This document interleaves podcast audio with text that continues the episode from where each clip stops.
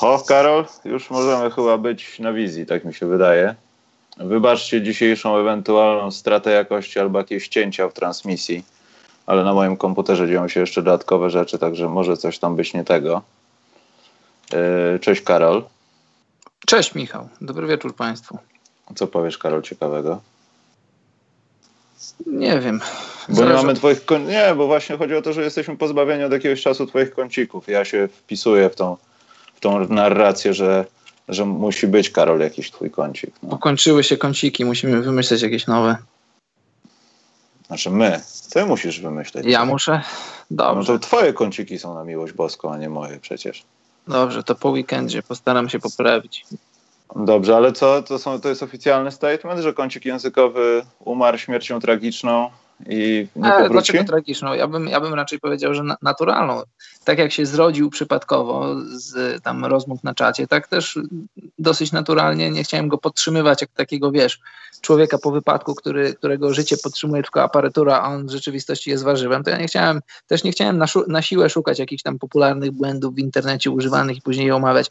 Raczej jak z czymś się spotykałem, to sobie zapisywałem i myślałem sobie, że o, to będzie fajny temat do, do podcastu, a że, a że ostatnio nie natrafiałem na takie rzeczy, no to, to może nie umarł, ale tak trochę przysnął ten kącik. Nie wiem, czy będę go kontynuował. Może będę. Jeśli na pewno będę. Jeżeli coś zobaczę, jakąś taką tendencję, która mnie, która mnie irytuje, która mi przeszkadza gdzieś tam, czy w internecie, czy w jakiejś tam mowie, e, prywatnej, no to, to będę to odnotowywał i będę to poruszał, ale też nie chcę tego robić na siłę, bo, no bo po prostu nie chcę. Zawiodłem się, Karol, bo to po pierwsze źle o nas świadczy już obydwu. Słuchaj, nie po... pierwszy raz ktoś się na mnie zawiódł i niestety... A poza tym, Karol, potraktu... ale przepraszam, potraktujmy to w kategoriach porównawczych nawet. No, jeśli ten kącik językowy tak szybko umarł, to jak szybko podcast specjalny na żywo umrze, Karol, w ten sposób. Nie mówmy tak. No nie mówmy, ale właśnie zabił, zabiłeś złotą kurę wąski. Takie są fakty. Ale Aha. nie, Karol, ja apeluję, bo ja zrobiłem nawet muzykę. Ja zrobiłem specjalną oprawę, a, ty, a ty nic. Dobrze, y, idźmy dalej. Idźmy Zostawmy dalej. biednego Karola. Y, po pierwsze, Karol wpadł Donek od Szczotiego. Dzięki również za Donka, chociaż y, proszę cię bardzo, koszulka jak najbardziej zasłużona, bo byłeś top GM. I zaczniemy właśnie od informacji parafialnych. Po pierwsze, dotarła y, jest taki ktoś, kto miał nick Elmo, od jakiegoś czasu się kompletnie nie odzywa. Mam dla niego koszulkę, więc obawiam się mu ją wysłać, bo to jest zagraniczny adres. Jeśli już tam nie mieszka i nie potwierdza tego, to wyślę gdzieś w ciemno i ktoś inny będzie naszał albo po prostu wróci do mnie, także to jest bez sensu. Myślę, że przekażemy ją na koło fortuny, jeśli on się nie znajdzie, ale musi minąć jeszcze trochę czasu.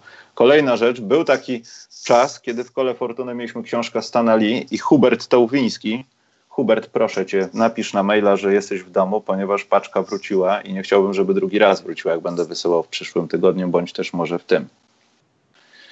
Co jeszcze? Yy, Karol, chciałem powiedzieć i oficjalnie wszystkim powiedzieć, bo na przykład Stani Stanisław Wybraniec pytał też. Long sleeve dają radę, także mogę powiedzieć, że oficjalnie zatwierdzam ten produkt podcastu specjalnego i w ten sposób, Karol, mamy dwa ubrania. Super. Sygnowane naszą marką, bądź też twarzą Karola Budzera. No, to, to zależy jak patrzeć. Mam nadzieję, że on nie będzie chciał jakichś tantiemów za to, bo, bo nie wyrobimy. A Dobrze, jak, będzie, chciał, to się, jak no. będzie chciał, to się dogadamy. Tak, albo pokażemy mu liczbę patronów i powiemy, że wcale nie mamy aż tak dużo pieniążków i może też nas wesprzeć. Do czego apelujemy, nawet nie tylko Karola Buzera, także. Może, może. Także. Dobrze, Karol, przejdźmy do newsików. Nie wiem, od czego chcesz zacząć.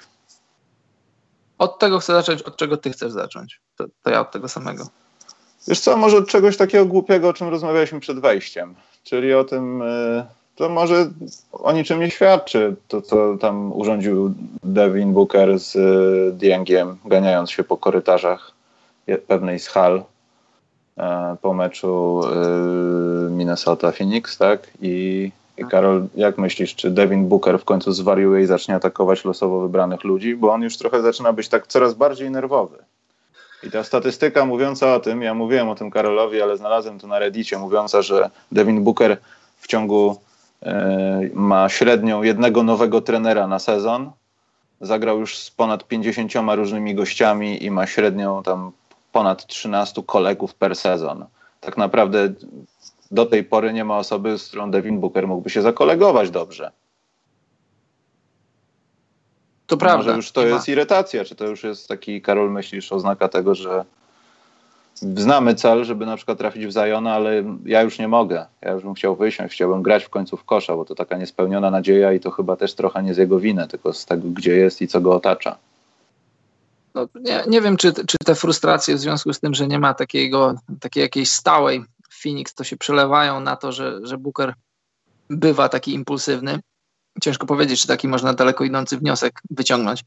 Ale jeśli pytasz mnie konkretnie o to starcie Dienga z, z Bookerem, to, to ogólnie nie, nie, nie jestem fanem tego, że zawodnicy są tacy tacy, wiesz, tacy soft, tacy uczuciowi, że ktoś, przecież, wiesz, to gramy w koszykówkę, musisz się spodziewać, że, że jakiś będzie kontakt czyjegoś ciała z twoim ciałem i ludzie tak się obrażają, ludzie zaraz bić się chcą, jeżeli tam gdzieś ktoś kogoś pchnie na zasłonie, na zbiórce go tam szarpnie za plecy czy coś. No musisz, jeśli jako zawodowy koszykarz musisz się spodziewać, musisz liczyć się z takimi kontaktami. Ja tego nigdy nie rozumiałem w NBA, że ludzie tak, tak się obruszają, jak ktoś kogoś tam gdzieś popchnie. Oczywiście nie mówię o jakichś tam chamskich, tanich zagraniach, po, po których jasne, że można się zirytować, zdenerwować, obserwować, ale takich rzeczach wynikających z gry, że tam wiesz, ktoś komuś stanie na stopę, ktoś popchnie, a ten już chce wymierzać sprawiedliwość, podczas gdy w NBA nie ma walk, nie ma, w ostatnich latach nie ma bijatek, bo one zostały, one zostały wyczyszczone. Dostajesz za to kary, dostajesz za to zawieszenia, więc nikt się de facto nie bije w NBA w dzisiejszych czasach. To są takie, taki cudzysłów walki, bo wiesz, że e, trzymasz sam siebie za rękę i mówisz, chłopaki, trzymajcie mnie, bo, bo, bo, nie wytrzymam. To tak jak jest taki żart w siatkówce, której ty nie oglądasz, że jakby nie ta siatka, to bym tam do ciebie podszedł i cię, i zrobił z tobą różne rzeczy. Tak, jest teraz tak jak w głupich komediach, Karol, że mówisz komuś, tak, żeby tak. cię trzymał, a wpychasz swoje ramiona w jego ręce, no trzymaj mnie, no trzymajcie tak, właśnie, mnie.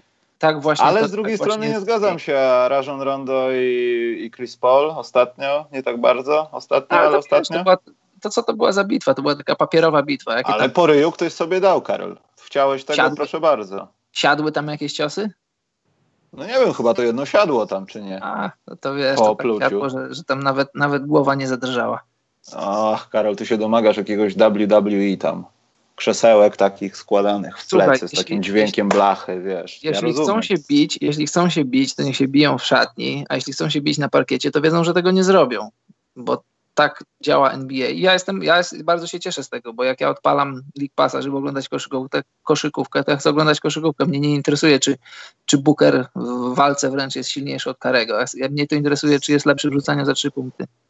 Więc ogólnie... Ale wiesz, twój no. nowy kolega z Londynu, z drugiej strony, ze swoim bratem, po swojej przeszłości mówi o Morisie, o swojej przeszłości in the hood, powiedzmy, o Myślałem, i tak dalej.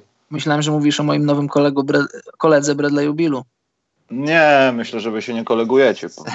Z Albo to jest tak. taka szorstka męska przyjaźń. Szorst, no, szorstka przyjaźń, jak Kwaśniewskiego z Millerem. No tak, Karol, tego się spodziewałem.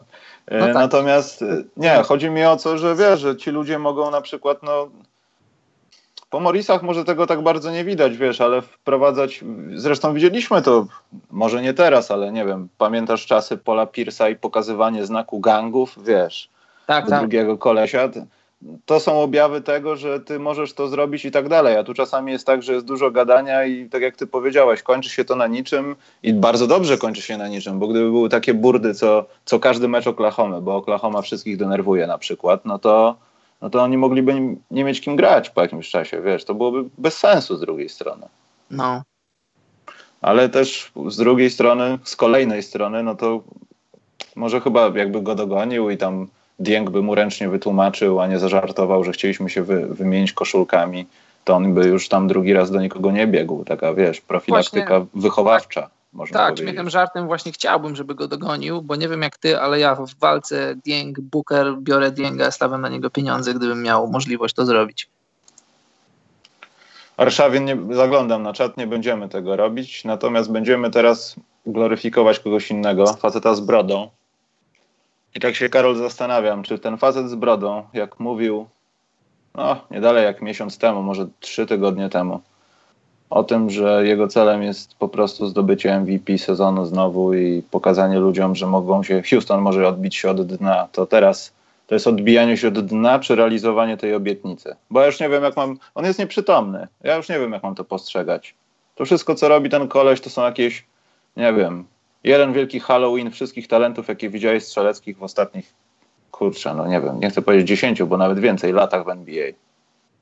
No ja bym powiedział, że to jest jedno i drugie, no bo jego te indywidualne, indywidualne rekordy nie idą, nie idą w próżnię, bo Rackets wyszli z dołka, teraz już są, już są dużo ponad dołkiem, są teraz 27-20, co daje im piąte miejsce na ten moment na, na zachodzie, tylko dwa, tylko dwa mecze straty do, do trzeciego miejsca, no to, to wiesz, przy tylu kontuzjach, Chris Paul, Capella, Harden musi tak grać, żeby, żeby Rackets wygrywali, żeby Rackets byli w ósemce. Więc to idzie dwutorowo. Rackets wygrywają, a, a tym samym dają większe szanse Hardenowi na obronienie MVP. No to też zobaczymy, prawda, ale, ale wiesz, patrz... siły wystarczy do końca sezonu. Ale wiesz, patrząc na to, co się dzieje z Houston, no to ja nie chcę twierdzić, że Harden robi wszystko dla siebie, ale on może po prostu być na tej misji, że on pokaże siebie prędzej, niż doprowadzi do czegoś dobrego zespołowego w Houston. Tak się nad tym zastanawiam, bo wiesz, bo to już jest, to już przypomina robienie wszystkiego, co mogę i nikt mi nie przeszkadza. Jeszcze wychodzi mi, no to się wszyscy cieszą. 60 punktów w Madison Square Garden to ostatnio zdarzyło się 10 lat temu, no i Kobe był, myślę, mhm. był, myślę, w tej gorszej pozycji, bo Harden, no, bawi się trójami, no tak jak cała NBA bawi się trójami. Jest też taki stat mówiący o tym, jeśli chodzi o najlepszych strzelców z ostatnich tam 20 lat, kto najmniej wykorzystuje rzuty dwupunktowe albo po prostu dwa punkty. I tam szak jest pokazany, wiadomo, tam 80%, a teraz jest Harden, który ma tam, nie wiem, 20, 30, już nie pamiętam. to też pokazuje łatwość, naszą łatwość. No. Łatwiej zdobyć 61 punktów w ten sposób, rzucając za 3 punkty pewnie, niż non-stop angażując się w wejścia pod kosz. Ale jest co, powiedziałeś 10 lat temu, a zapomniałeś o meczu z 2014 roku, którego rocznica jest właśnie dzisiaj. Carmelo Anthony zdobył 62 punkty w meczu z e, Charlotte Bobcats. Pamiętasz? Ale to był wyjazdowy mecz? To było u siebie czy na wyjeździe? No właśnie nie wiem. Możliwe, że u siebie. Dziś jest rocznica tego meczu. Melo rzucił 62 punkty. Wydaje mi się, że to było w Nowym Jorku. Na okay. 80%. Nie no, bo te wszystkie statystyki mówiące, nasze statystyki, no te przypomnienia, tam Kobe Bryant tam 2008-9, tak? Wcześniej Elgin Baylor w latach 60., jeszcze, znaczy wcześniej Will Chamberlain, jeszcze wcześniej Elgin Baylor i tak naprawdę no to było przeciwko Nowemu Jorkowi, tak? Na wyjeździe, jak gdyby spotkania w Madison Square Garden. Więc jasne. Bo nie, bo coś mówiłeś wcześniej. Przypomnij, nie, przypomnij mi, o co mnie pytałeś w kontekście Hardena. Pytałem się, czy to jest prywatna już taka vendetta, czy bardziej, wiesz, chcę pokazać światu, że jedna osoba może przyciągnąć Houston przez playoffy i, i nie wiem, co będzie dobrym miejscem dla Houston, ale gdyby teraz ktoś im obiecał, że będą w finale konferencji, no to oni by w ciemno oddali ten finał 4-0, byliby zadowoleni, że przeszli drugą rundę. Nie wiem, ale wiesz co, moja obserwacja jest taka, dlatego że ja dzisiaj rano wrzuciłem taką statystykę, która jest e, no, trochę szokująca, ale też bardzo ciekawa. Tych, tych w ostatnich pięciu meczach, tych 200, 261 punktów Hardena, nie wiem ile dokładnie rzutów z gry, ale żaden z tych punktów nie był, nie był asystowany i to, to jest taki trochę szoker, no bo jak sobie tak pomyślisz przez lata interesowania się koszykówką, to to w zasadzie nie było takiego koszykarza, który by grał w ten sposób. Ale też jak, jak śledzisz internet, a na pewno to robisz, to ludzie bardzo krytykują Hardena, że on gra, że on gra sam, że on gra przeciwko drużynie, że drużyna pewnie nienawidzi z nim grać, ale wiesz co... Ale stop, poczekaj Karol, bo ja się no? zagłębiłem no? w te trochę statystyki. E, no. One chyba nie są podliczone z poprzednim spotkaniem, z tym ostatnim. E, albo może są, nie wiem, bo tam Wydaje jest jakieś takie... Wydaje mi się, ale ja sprawdzam na NBA Media Central, oni mają jakiś dziwny lak w stosunku do tego, co tam się dzieje, ale wynika z tego to, co powiedziałeś. No, ponad 80% rzutów Hardena jest nieasystowana. Tak, ale... A jeśli to są asysty, to są rzuty, kiedy na przykład jest zbiórka w ofensywie i Kapela cofa piłkę i tam jest 20 asyst. Kapela ma chyba najwięcej asyst pośród wszystkich zawodników Houston do Hardena, bo albo to jest po jakimś pick and rollu, albo po prostu po zbiórce ofensywnej. Natomiast Harden ma najwięcej asyst w drużynie, więc jednocześnie mówi, mówiąc to, że on nie pracuje z kolegami, to bzdura jest. Właśnie, dlatego pozwól mi dokończyć, bo y, ogólnie internet dużo, bardzo krytykuje Hardena za, za różne rzeczy, za kroki, za flopowanie, za wymuszanie fauli. Tylko, że moja obserwacja gry Hardena jest taka, że to jest po prostu to jest, to jest przedłużenie myśli D'Antoniego. To nie jest tak, że Harden wychodzi i on łamie wszystkie schematy i on wszystko gra pod siebie. On jest, ta drużyna jest tak skonstruowana w obliczu kontuzji, w obliczu takiego składu, a nie innego. To Harden jest jednoosobową armią i oni tak grają. Oni dążą do tych switchy, oni dążą do tych sytuacji, w których Harden ma przewagę nad, nad kryjącym go zawodnikiem, a zazwyczaj ją ma i, i w tym momencie próbuje, kre, próbuje kreować te przewagi, próbuje robić penetrację. Gdy mu się nie udaje, gdy jest podwajany, czy nawet potrajany, wtedy odgrywa piłki, bo jak słusznie zwróciłeś uwagę, Harden notuje też dużo asyst. Ja tak nie patrzę na grę Hardena i też chciałbym, chciałbym uczulić ludzi na to, żebyście postarali się nie patrzeć na, na Hardena jako jakąś e, jakieś zwyrodnienie koszykówki, jako coś, co nie powinno się dziać, bo ja ogólnie co do zasady też nie jestem, nie jestem super fanem grania izolacji i grania takiego streetballowego trochę jeden na jednego, a, a wszyscy stoją w rogu i patrzą, bo to widzieliśmy, były takie mroczne mroczne lata w NBA, ja takie nazywam powiedzmy w latach tam nie wiem 2001 do 2006, taki du, du, bardzo dużo izolacji, Tracy McGrady, Stevie Francis i, i, i, kilku innych zawodników, którzy, którzy pracowali na swoje nazwisko przez, przez te lata i grali dużo izolacji, bo ogólnie tak wtedy się grało w NBA ogólnie nie jestem tego fanem, ale trzeba też zwrócić uwagę na to, bo to tak się mówi. Nie jesteś w stanie tego zrobić, jesteś, jesteś trenerem i powiesz jakiemuś tam, nie wiem, obojętnie komu, grajmy tak. Nie, to musisz mieć odpowiednie predyspozycje do tego i też ludzie mówią, też taki komentarz przeczytałem u mnie na profilu, że w latach 90. Harden byłby zawodnikiem na 19 punktów. Wątpię, żeby tak było, bo a, też już mówiliśmy o tym wiele razy, trochę, trochę, trochę za bardzo się gloryfikuje ten defense lat 90 E, to nie do końca jest prawda, po prostu było dużo mniej posiadań, ale taka obrona sama w sobie, możecie sobie obejrzeć te mecze, to nie jest żadna tajemnica, to nie jest... Nie, Karol, nie, stop, stop, stop, no? stop. Nie zgadzam się z tym. Chodzi ale mi bardziej... Chodzi mi o to, że to nie, nie była niczyja wina, że linia za trzy punkty nie była wykorzystywana. Po prostu ktoś może się bał spróbować i tak dalej, więc nie sądzę, żeby ludzie, którzy nie wiem, ktoś by wpadł na pomysł, że będę, znajdźmy zawodnika, który będzie rzucał 30 razy w meczu za 3 punkty. Niech ktoś wykona ten krok. To byliby tacy zawodnicy i okazji byli, byłoby bardzo dużo, bo na początku nikt by nie potrafił nadążyć, tak jak działo się to na początku z Golden State Warriors, bo cały świat teraz idzie trójką i to oni zaczęli i tu nie ma żadnych wątpliwości. Gdyby ktoś wtedy zaczął, to żadna obrona. Tam, tam nie, nie, widzę żadnych przeszkód na obwodzie, żeby ktoś nie mógł oddać trójki. No chyba, że Reggie Miller podejdzie do ciebie i zacznie cię dusić.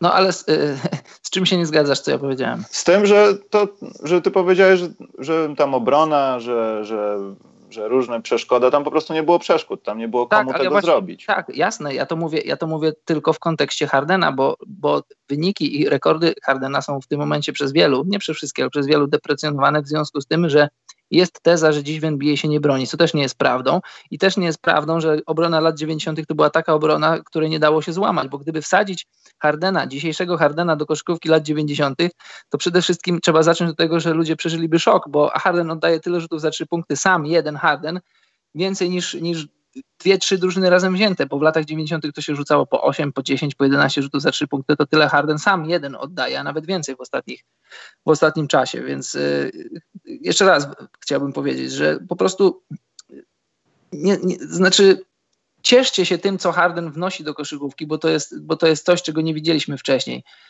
A nie, nie, skupiajcie się aż tak bardzo na tym, że, że wymusza faule, że flopuje. To tak, owszem, ja, to są rzeczy, których ja też nie lubię, ale, ale to jest procent, to nie jest aż tak duży procent tego wszystkiego, czym jest James Harden. Czy to już jest koniec bulwersacji, Karol, czy jeszcze coś dodajesz? Ja, ja wiem, czy to jest taka bulwersacja. To, jest takie, taka obserwacja, taka, że y, za bardzo skupiamy się często, nie zawsze, ale często na, na tym, kim dany zawodnik nie jest, czego nie robi, co robi źle, a, a zapominamy o tym, co robi dobrze. No bo, bo żeby robić takie rzeczy, które robi Harden, to jest garstka zawodników, którzy wstali. Zobacz, nawet ten taki step back za trzy punkty. Weź, jeżeli wiesz, no masz wśród swoich kolegów, ty też dobrze rzucasz za trzy punkty. Spróbuj zrobić step back za trzy punkty. Tak technicznie, tak fizycznie to nie jest łatwe do zrobienia. E, przede wszystkim to nie jest łatwe do zrobienia w momencie, kiedy no, jesteś w intensywności meczu. To, no, jest tak. bardzo łatwe do zrobienia, jak sobie tak pykasz i od niechcenia ci wychodzi, ale kiedy wiesz, że to jest jedyny moment, albo jedyna okazja, albo nie wiem, moja rzecz, którą mam teraz wykorzystać, bo widzę, że ten gość jest źle ustawiony w obronie, coś się stało po piku, ja mogę uciec w lewo, bo lewa to moja strona. Nie widzę tego, żeby to powtórzyć nienagannie w taki sposób, żeby z tego wyciągnąć powiedzmy 10 punktów, wiesz, a gość to robi z zamkniętymi oczami. To jest... O, właśnie, właśnie o to chodzi. To, to jest straszne. Na ekranie macie właśnie tą statystykę, o której mówiłem, o oldschoolowości trójek, dwójek. Jak tutaj Harden ma 30, prawie 1% jeśli chodzi o rzuty za dwa. No i tam Westbrook, Iverson jest nawet pokazany. E, no nic, Karol, idźmy dalej z newsikami. Ale poczekaj, poczekaj, no. jedna rzecz, bo tutaj Arszawin pisze, że opowiadam głupoty. E, nie, Arszawin, ja oglądam koszykówkę NBA nieprzerwanie od 91 roku. Ja wiem, jaka była koszykówka wtedy. Jeżeli myślisz, że Harden nie, nie poradziłby sobie w tej koszykówce, to jesteś w błędzie. Tak samo jak ludzie myślą, że, że LeBron James, dzisiejszy LeBron James byłby średnim zawodnikiem, czy jakimś tam powiedzmy niewybitnym w koszykówce lat 90. To jest bzdura, to nie jest prawda gra była brutalna, ale, ale gwiazdy, ich talent się, się zawsze bronił na, na swój sposób, bo y, no bo po prostu tak było. No. A Harden, Harden, ja to już mówiłem kilka razy, Harden jest silniejszy niż się ludziom wydaje. Harden jest piekielnie silny, jest bardzo silny. Zobaczcie, jak on jest zbudowany.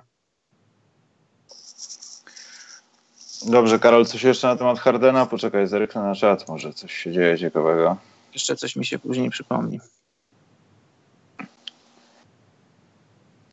Tutaj Pete B napisał, moim zdaniem Houston z Polem i Kapelą są lepsi niż bez nich.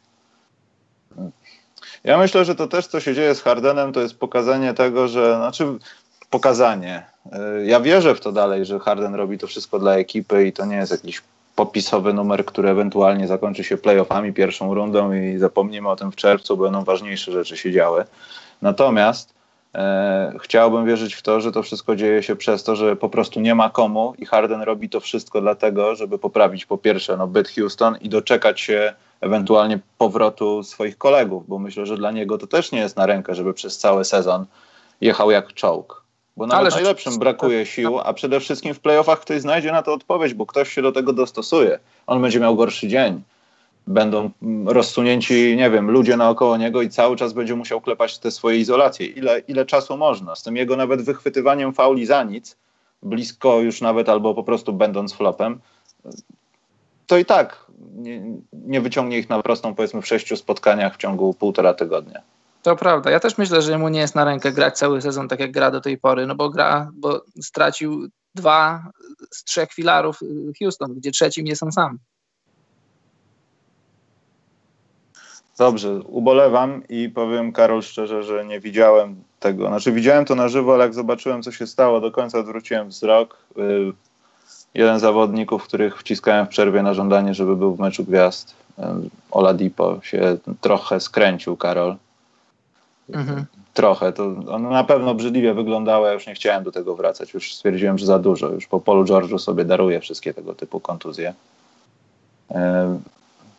Karol, co dalej? W sensie koniec z eksplozywnością, szybkością, penetracjami, wszystkim, co miało Ladipo do, do tego feralnego w zasadzie wypadku.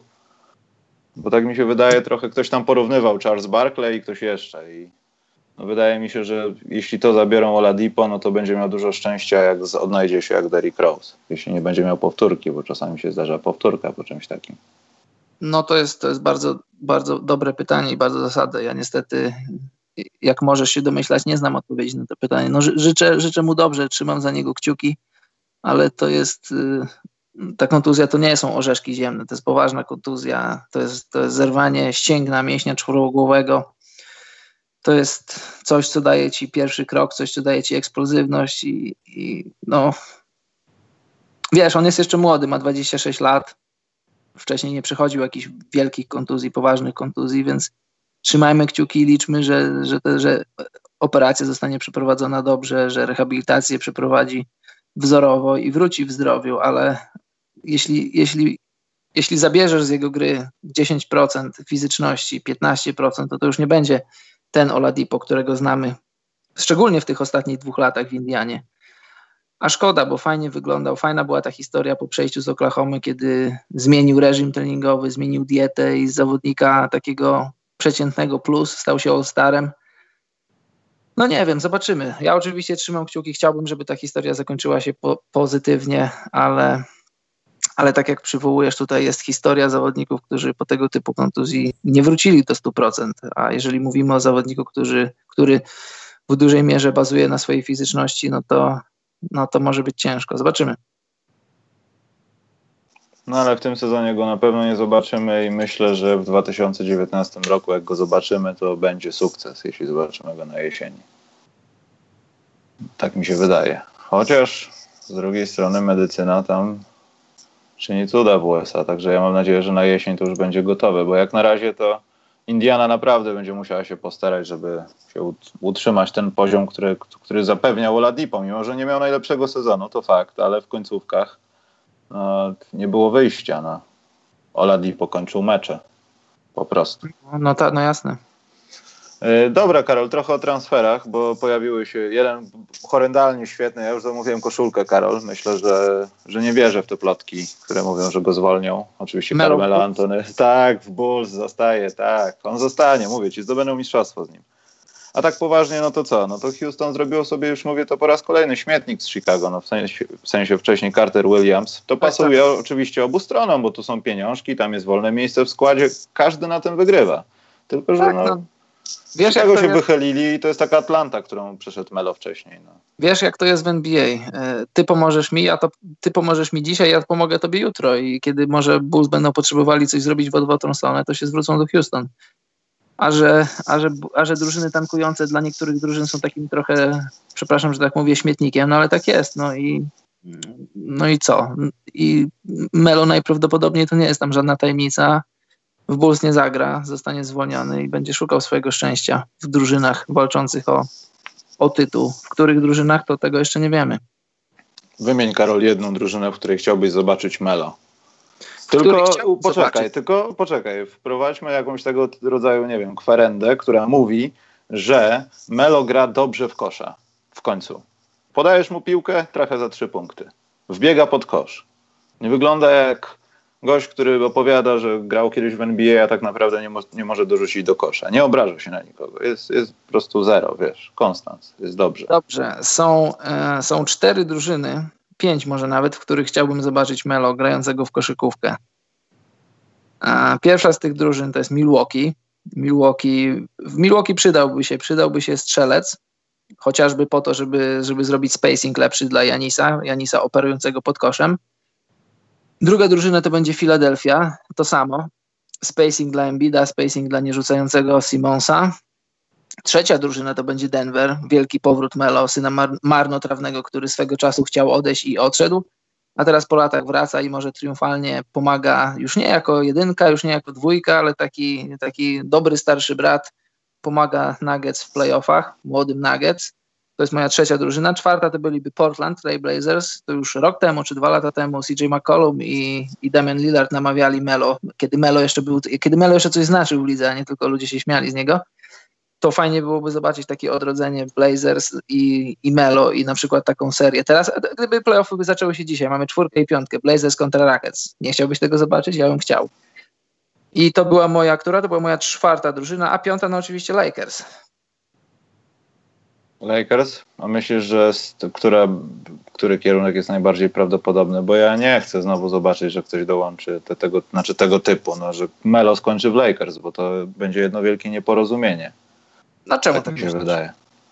No bo nie wierzę w to, żeby teraz raptem Melo był potrzebny Lakers, którzy tak naprawdę muszą przetrzymać do wakacji. Na niczym innym nie zależy. Nawet jeśli nie awansują do playoffów, się okaże, że jesteśmy geniuszami, bo Lakers nie ma w playoffach i ja to przewidziałem, to, to niczego nie zmienia, bo oni i tak dokonają, dokonano, dokonają takich albo już dokonują takich rozmów na temat ewentualnych podpisów, że Melo niczego nie zmieni. To tylko wizerunkowo może pokazać, że Melo może się odbudować i na niego, na, na tej podstawie ktoś jeszcze za rok może chcieć z nim rozmawiać o czymkolwiek więcej niż tylko występowanie w drużynie. No tak, ale to sam to powiedziałeś, to nic nie zmienia. Czy on będzie w Lakers, czy on nie będzie w Lakers, to yy, na jego szczęście, a może nie szczęście, ale na jego szczęście nic od niego, do drużyny, do której trafi, nic od niego nie zależy. Jeśli pojawi się Melo w jakiejś drużynie, jeśli pomoże, to fajnie, a jeśli nie pomoże, to raczej nikt nie powinien mieć do niego pretensji, bo na tym, na tym etapie swojej kariery, na tym etapie e, wyeksploatowania swoich własnych nóg, no to chyba trzeba być szalonym, żeby czegoś wymagać dużego od, od Melo. Więc y, to jest win-win i dla Melo, i dla Lakers, no bo Melo może, może się jeszcze gdzieś zaczepić w drużynie walczącej o coś, a ta drużyna y, przy no, dobrych wiatrach, w dobrym scenariuszu może dostać od Melo kilka czy kilkanaście punktów z ławki. Jak dla mnie ryzyko praktycznie, praktycznie żadne, no bo po sezonie obie strony się sobie, wiesz, dziękują sobie, żegnają się i koniec tematu. Tak myślę. E, dobrze, jak pewnie widzieliście, Karol miał rację dzisiaj. Zmieniłem odliczanie do trade deadline, no bo w sumie wcześniej to się kończy. Na 21 naszego czasu, 15 ichniego czasu, więc jeszcze 13 dni do tego czegoś, co się będzie działo. Karol, czy możemy się spodziewać jakichś wielkich transferów, czy będziemy zmuszeni czekać do wakacji? Myślę, że coś, coś wisi w powietrzu, coś się wydarzy. Nie wiem co, ale jestem przekonany, że coś się wydarzy. Jest kilka kierunków takich zapalnych, może nie zapalnych, ale takich drużyn, które, którym się trochę pali. No na przykład Pelikany. Pelikany muszą dać jasny sygnał, wysłać Antonemu Davisowi, że, że są kompetentni w tym, co robią, że że, żeby zaspokoić wszystkie ambicje Antonego Davisa, te, te finansowe o kontrakcie dla gwiazdy, którą przecież jest, ale przede wszystkim te ambicjonalne takie z parkietu, że, że właśnie w Nowym Orleanie pod tym, a nie innym zarządem mogą się dziać dobre rzeczy i można zbudować drużynę, która będzie, która będzie walczyć o, o coś więcej niż tylko wejście do playoffów. No i jest jeszcze to, no. a, a, a propos, zostając trochę w tym Nowym Orleanie, to jest też kwestia tego, co się dzieje w głowie Antonego Davisa. No trzeba pamiętać o tym, że on też ma telewizor, telefon albo tablet i on ogląda Lakers i nie ma Lebrona, ale on widzi, co jest z drużyną. On na pewno w głowie rysuje sobie jakąś taką wizję. A gdybym ja tam był na czwórce albo piątce w tym momencie, kiedy ten i ten wchodzi pod kosz czy coś. On na pewno o tym myśli i Wiem, że to nie jest tak, że on dzwoni po prostu i jest to załatwione, tylko tam trzeba poczynić pewne przygotowania i w ogóle i, i to jakoś ułożyć, jeśli chodzi o transfer, ale myślę, że on tam już jest. Nic nie uratuje chyba pozostania Davisa w, w tym, w paszczy pelikanów.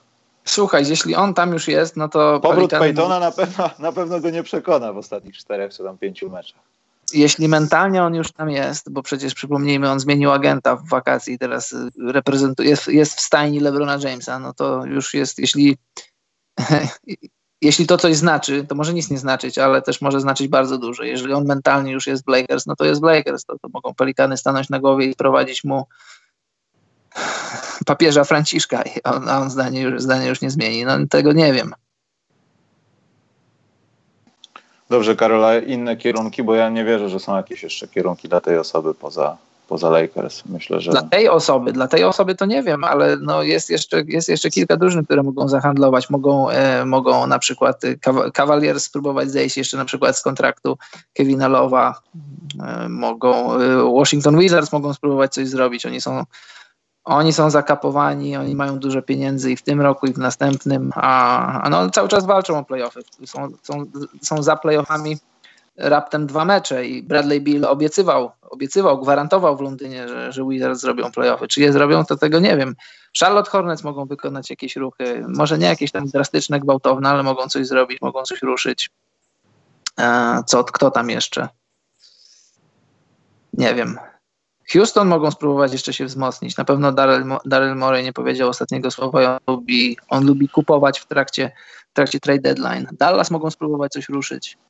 Ja myślę, że Karol, jeśli chodzi o Houston, to te transfery z Chicago pokazują, że tam, tam ktoś o czymś myśli. Natomiast ciężko im powiedzieć, czy tam czy, znaczy jak będzie logiczniej, no, czy bawić się tymi, którzy są jeszcze w zdrowiu, ewentualnie gdzieś pocisnąć Chrisa Pola skoro wiemy, że to jakoś tam u nas nie zagra, a skoro Harden gra tak jak gra, no to wykorzystajmy ten moment i trudno, zaszalejmy, no.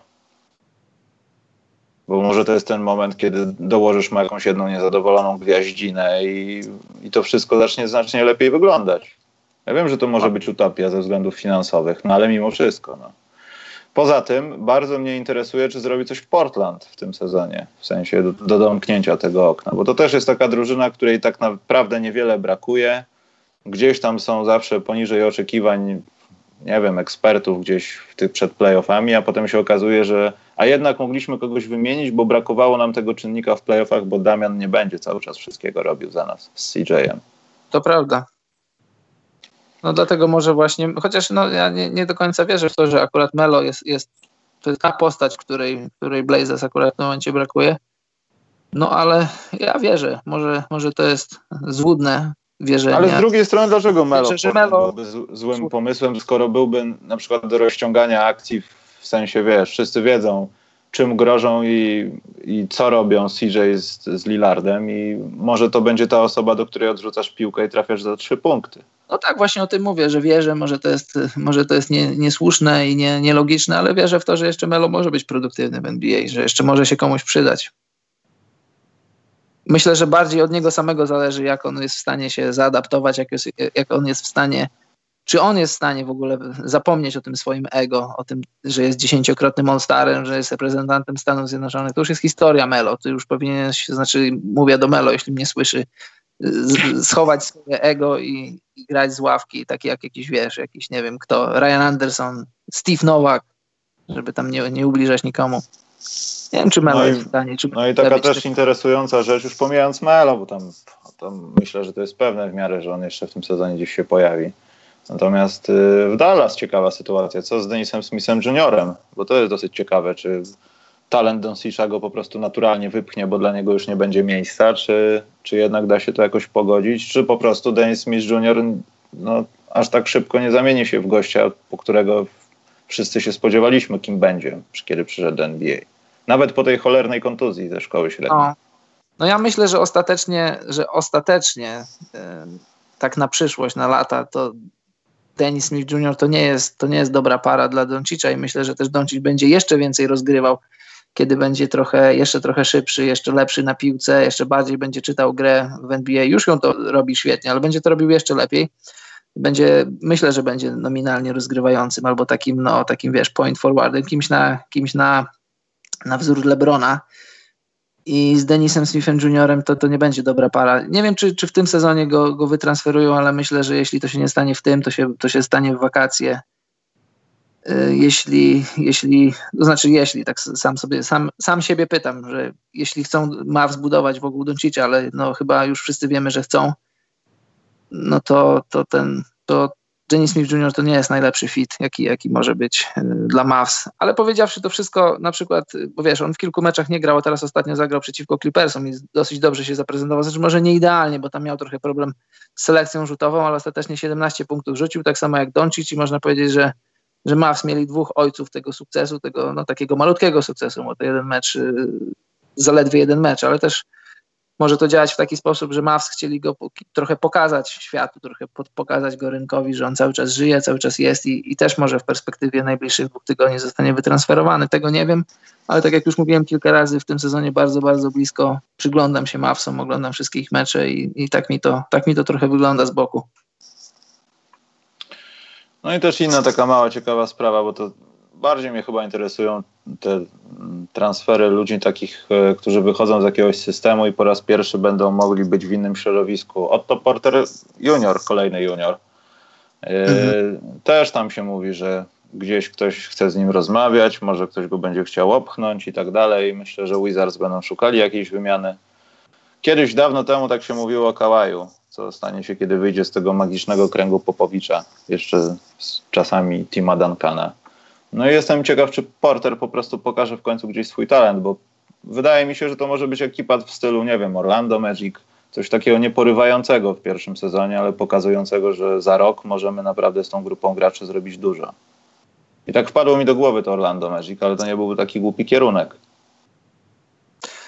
Chociaż... Jeśli, jeśli Otto Porter no. jest tym, kim jest w zasadzie drugi kolega, który twój Karol też trochę. tak, sportowo to nie byłby głupi kierunek, tylko pytanie, czy Magic chcieliby brać na siebie ten jego kontrakt dosyć duży. Ale czy to jest aż tak duże zobowiązanie? No, no ja myślę, że jest. Patrząc że, na to, że, kto, kto inny, wiesz. Yy... Że za te pieniądze myślę, że możesz mieć zawodnika, który robi podobne rzeczy. Znaczy, za mniejsze pieniądze możesz mieć zawodnika, który robi podobne rzeczy. No zobacz, Otto Porter w tym sezonie 26 milionów, w przyszłym roku 27, a w sezonie 20 na 21 yy, będzie miał swoją własną opcję zawodnika za 28. Myślę, że ją podejmie no to jest trochę sporo pieniążków, jak na zawodnika, który... Ale Karol, z drugiej strony, ja wiem, że skillsetowo może to się nie zgadzać i jak na razie ten, ten drugi, o którym mówię, test oka pokazuje, że jest lepszy. Już nawet pal 6 statystyki i tam czas gry, ale gdyby ich wymienić z Aaronem Gordonem, znaczy ich przeprowadzić taką wymianę, to byłoby olbrzymie ryzyko, tak? Czy na przykład co z Aaronem Gordonem, czy on by pasował tam w ogóle? Co dalej z, z Wizards? o co chodzi, wiesz. John Wall nie wraca, Bradley Bill mogą, to może nie wypalić po prostu, może nie pasować do, do tej rotacji. No. Ale pieniążki by się zgadzały, Karol. No mogłyby się zgadzać, no ale czy, słuchaj, tak, tak na koniec dnia, czy coś by to dawało Wizards czy, czy Magic, czy, obu, czy obie drużyny wyszłyby lepsze po takim transferze? No ja myślę, że chyba nie do końca. Ale może patrząc w kierunku zawodników, może w końcu mieliby szansę się realizować po prostu. Chociaż Gordonowi bliżej jest do realizacji niż, do, niż Porterowi, no ale Porter jest ograniczony dwoma, dwoma panami. Zresztą jednym twoim kolegą, Karol. Yy, ostatnia rzecz, Charlotte Hornets, to już chyba mówimy o tym od jakiegoś czasu, ale oni muszą wymienić, jeśli myślą o czymś, o czymś. Jeśli myślą o walce w jakikolwiek sposób, nie wiem, w playoffach albo w przyszłych sezonach. Kogoś dobrego, ale Karol jednocześnie takiego, wiesz, niewymagającego. I nie, szczerze mówiąc, nie widzę osoby żadnej. Carmelo Anton najlepiej do Kemby Walkera. Kemba to samo odejdzie wtedy. Nie, ale widzisz jakąś ja... wymianę u nich? No ja też nie. No Bradley Bill, jakiś tam jakiś pakiet za Bradley'a Billa, żeby, żeby Kembę trochę odciążyć, żeby do, dołączyć do jego składu zawodnika, który też by punktował, żeby nie wszystko było na jego barkach. Tylko za co, za jaki pakiet? Czy to byłby pakiet, który by interesował Wizards? Raczej wątpię, no bo teraz jak nie masz Walla, i, i zabierasz lidera tej drużyny, no to, to, to, trochę by było bez sensu. Jeśli nie byłby to Kemba Walker, a też byłoby to bez sensu dla Hornets, gdyby lidera zamienili za lidera, którego, który wchodzi na nowe, wiesz, na, na nowe śmieci. Nie wiem, też tego nie widzę. Raczej, raczej, Hornets, raczej Hornets nie mają tego, co inne drużyny by chciały, a z kolei Hornets chcieliby coś więcej niż tylko, wiesz, śmiecie zamieniać za śmiecie, no bo kontrakt Batuma jest, jest, jest, jest, jest dosyć duży i gdybyś chciał go ruszyć, no to może mógłbyś ruszyć i dostać coś więcej, tylko kto ci, kto ci pójdzie na taki kontrakt? No to też prawda. No może jakaś drużyna z tych, wiesz, no z dołu tabeli i tak nam nie zależy, bo nie traktujmy tych drużyn, które w tym sezonie tankują, nawet kiedy pozyskają kogoś z tej świętej trójcy, patrz nawet Zajona, to no tak. za rok ich pozycja się nie zmieni. Bardzo możliwe. Oni dalej będą w grupie tych tankujących. Może to nie będzie to dno, gdzie się to stałe zbiera, ale to dalej będzie wylew z filtra. No. To dalej będzie no dobrze, no dalej to, będzie no walka to... o, o draft. No tak, no to Nicolas Batum za, za powiedzmy Kevina Lowa. Tylko czy, czy aż tak bardzo to poprawia, czy aż tak bardzo to poprawia sportowo Hornets? Trochę może, ale, ale nie, nie aż tak. A przecież Love teraz leczy kontuzję, a Batum on, jest, on ma podobny kontrakt jak, jak Porter, 24 miliony w tym roku, 25 w przyszłym i opcja zawodnika, opcja zawodnika na 27 milionów w sezonie 20 na 21, którą zapewne podejmie. Eee, Charlotte, Charlotte, a zapomniałem o najważniejszym kierunku i chyba tym zamykającym tą część o transferach. I myślę, że Karol, jak nam czas pozwoli i będzie coś się takiego grubego działo, że tak powiem, to to chyba będziemy robili jakieś takie krótkie wejścia. To, to, to, tylko jak czas pozwoli, bo jak coś się stanie takiego dużego, to nie mamy wyjścia, Karol. Musimy, sorry, spełniać naszą misję. A jesteśmy przede wszystkim misyjni, Karol. Misyjność, tak, misyjność to jest nasza podstawa. Dobrze, ten ostatni kierunek, który mnie najbardziej interesuje i to też może oznaczać, że jakaś epoka się zakończy, no to jest Memphis Grizzlies.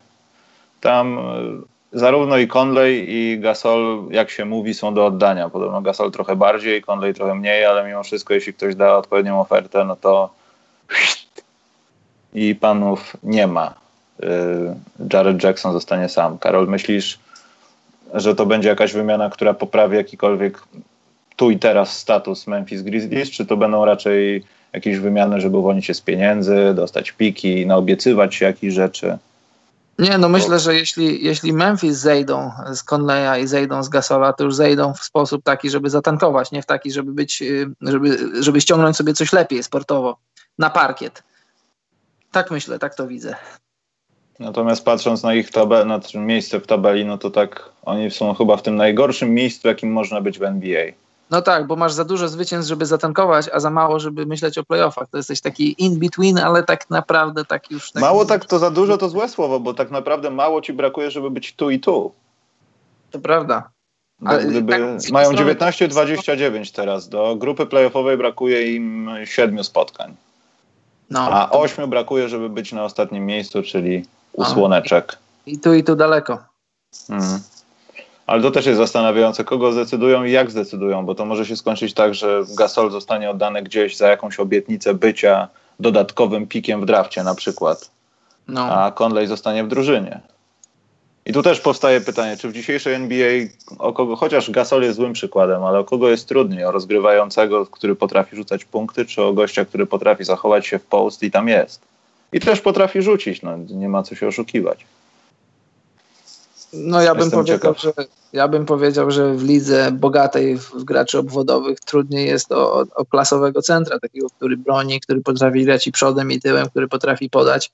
A kimś takim jest Mark Gasol, tylko problem Marka Gasola jest taki, że on już jest po złej stronie tej trzydziestki. On, jest, on ma 34 lata i w zasadzie swój najlepszy basket, no niestety już ma za sobą. On jeszcze, no powiedziawszy to, on jeszcze może pograć ze trzy sezony na, na takim poziomie, jaki teraz prezentuje, może z taką delikatnym spadkiem, no ale ten, ten sezon, w którym był najlepszym obrońcą, te, te, te sezony, w których był, był naprawdę jednym z najlepszych centrów w NBA, to no, no, no niestety już, już mijają. Dobrze, Karol, tą sekcję chyba transferową możemy zamknąć, jak na razie. E, więc przejdźmy do naszych głosów na mecz gwiazd, takich już na poważnie, bez mhm. Drew Holiday'a. E, a, i warto wspomnieć, to jest minus dla NBA, że nie mamy żadnego bazerbitera od TISO, naszego oficjalnego sponsora, mhm. chronometrażysty. Musiałem użyć tego słowa. E, same jakieś takie kwartowe, tam był Terry Rozier, Rozier, przepraszam, mhm. był, był Hayward, którego wszyscy chcecie na czacie oddać i słusznie, był Donovan Mitchell bodajże, ale nic nie było takiego meczowego, także TISO buzzer beater dzisiaj nie istnieje, nie ma czegoś takiego. Mhm. Miasto w Anglii, Londyn. Więc dobrze, Karol. Najpierw może zacznijmy od pierwszych piątek. Mhm. Nie wiem, czy będziemy to gdzieś spisywać, czy nie. Jak chcesz. Chyba to jest bez różnicy, bo i tak się o tym niedługo dowiemy i to nie ma żadnego w ogóle tak naprawdę znaczenia, bo nie wiemy, kogo wybierze po, po kapitanie, ale ale zacznijmy od zachodu. Kto będzie, Karol, twoim zdaniem kapitanem na zachodzie? A kto do tej pory liderował w głosowaniu, bo nie śledziłem tak bacznie? Ja nie widziałem trzeciego podliczenia, szczerze mówiąc, ale chyba wcześniej to był... Byłem w Londynie. To, to, to był LeBron? No, to mógł być LeBron. LeBron. No to niech będzie LeBron. Albo inaczej, wymień pierwszą piątkę i ja będę korygował, czy ja bym coś zmienił na zachodzie. O, może bez tych kapitanów, bo faktycznie wybory mogą być nie aż tak bardzo no przewidywalne, jak nam się wydaje. No tak, no poza tym, możemy... przepraszam, poza tym zapominamy o jednym, że głosowania kibiców to jedna rzecz, bo one tam mają jakąś proporcję w podliczaniu, ale do tego dochodzą jeszcze chyba głosowania zawodników i dziennikarzy, którzy, którzy tak, tam tak. mają określone punkty per głos, także to, to co o czymś mówi, ale nie do końca świadczy, także warto o tym wiedzieć. No, trzeba o tym wiedzieć, bo, no, bo te ostateczne głosy kibiców to się, to się spłyci i to się zmieni. No bo e, te głosy ludzi, kibiców będą stanowić połowę tylko tych głosów, po 25% od dziennikarzy i 25% od zawodników. To jednak, jednak zrobi różnicę. To jest za zapaczulia ról. No czekam, Karol, czekam, czekam. E, dobrze, moja pierwsza piątka zachodu e, wygląda tak, wygląda następująco. Mój front stanowią Anthony Davis, e, KD i LeBron James, a mój backcourt stanowią James Harden i Damian Lillard. Harden, Lillard. Dlaczego mhm. Lillard? E, dlaczego nie Lillard? W domyśle dlaczego nie Kary? Dlatego, że Lillard ma, dlatego, że Lillard ma o 13 meczów więcej zagranych, y, więc no, no to, to, nie jest, może nie jest jakiś taki wielki argument, że Steph Curry stracił, bo miał kontuzję, no to kontuzję każdy może dostać. Steph Curry gra świetny sezon, 29 punktów na mecz przy świetnych skutecznościach i możesz mieć Karego, możesz mieć, ja się z tym nie kłócę, ja mam Lillarda, no bo wybierałem między Karym a Lillardem, postawiłem na Lillarda. Dobrze, Karol, ja na razie, słuchajcie, tak to trochę... Tak, serio, czy bez Karego? Tak, bez Karego. Ja widzisz, Karola, ja bym jednak tak może bardzo nie kłócił się za, za Lillardem, ponieważ ja, Lillard ja tak, jemu byłoby to gdzieś, gdzie by był, także jakby tam był kary, to Lillard moim zdaniem i tak by zagrał w meczu gwiazd. To jest moim zdaniem w ogóle zero wątpliwości. To jasne, nie? ja się nie kłócę, nie ma problemu. No dobrze, to w takim układzie niech będzie, że wpiszemy sobie Karego tutaj jako ławkę. Ja to zaraz wszystko wyprostuję, zrobię ładną ściankę, spokojnie. I potem, Karol, mamy co? 12 miejsc niby, tak? Tak, czyli jeszcze 7 do obsadzenia. Już Zakładając, powiedzieć... że sytuacja z Jamesem nie jest do końca wyjaśniona, musimy wpisać tutaj osobę, która go zastąpi. Ewentualnie. Kto go zastąpi, Karol? Może Kary, ale to by było bez sensu. Nie, nie, to ja ci mogę powiedzieć moją siódemkę pozostałą, a kto go zastąpi, to się możemy... Dobrze, możemy dobrze. Ewentualnie, poczekaj. bo ja myślę, że zagra, nawet jeżeli nie zagra w jakimś tam znaczącym dobrze. wymiarze, no to symbolicznie zagra, myślę. Czy w tym, co będziesz wymieniał, masz Karego? No oczywiście. No dobrze, to bez Karego wymieniaj. Bo już go No, no. No dobrze, Steph Curry już mam, tak? Później mam Paul George, Russell Westbrook, Clay Thompson, DeMar DeRozan, Wolniej. przepraszam. Westbrook? No, Clay No, Thompson. Paula George'a No. wpisałeś? tak, tak. Później mam e, Lukę Doncicza, Demara DeRozana i Nikola Jokicza na dwunastce. Hmm.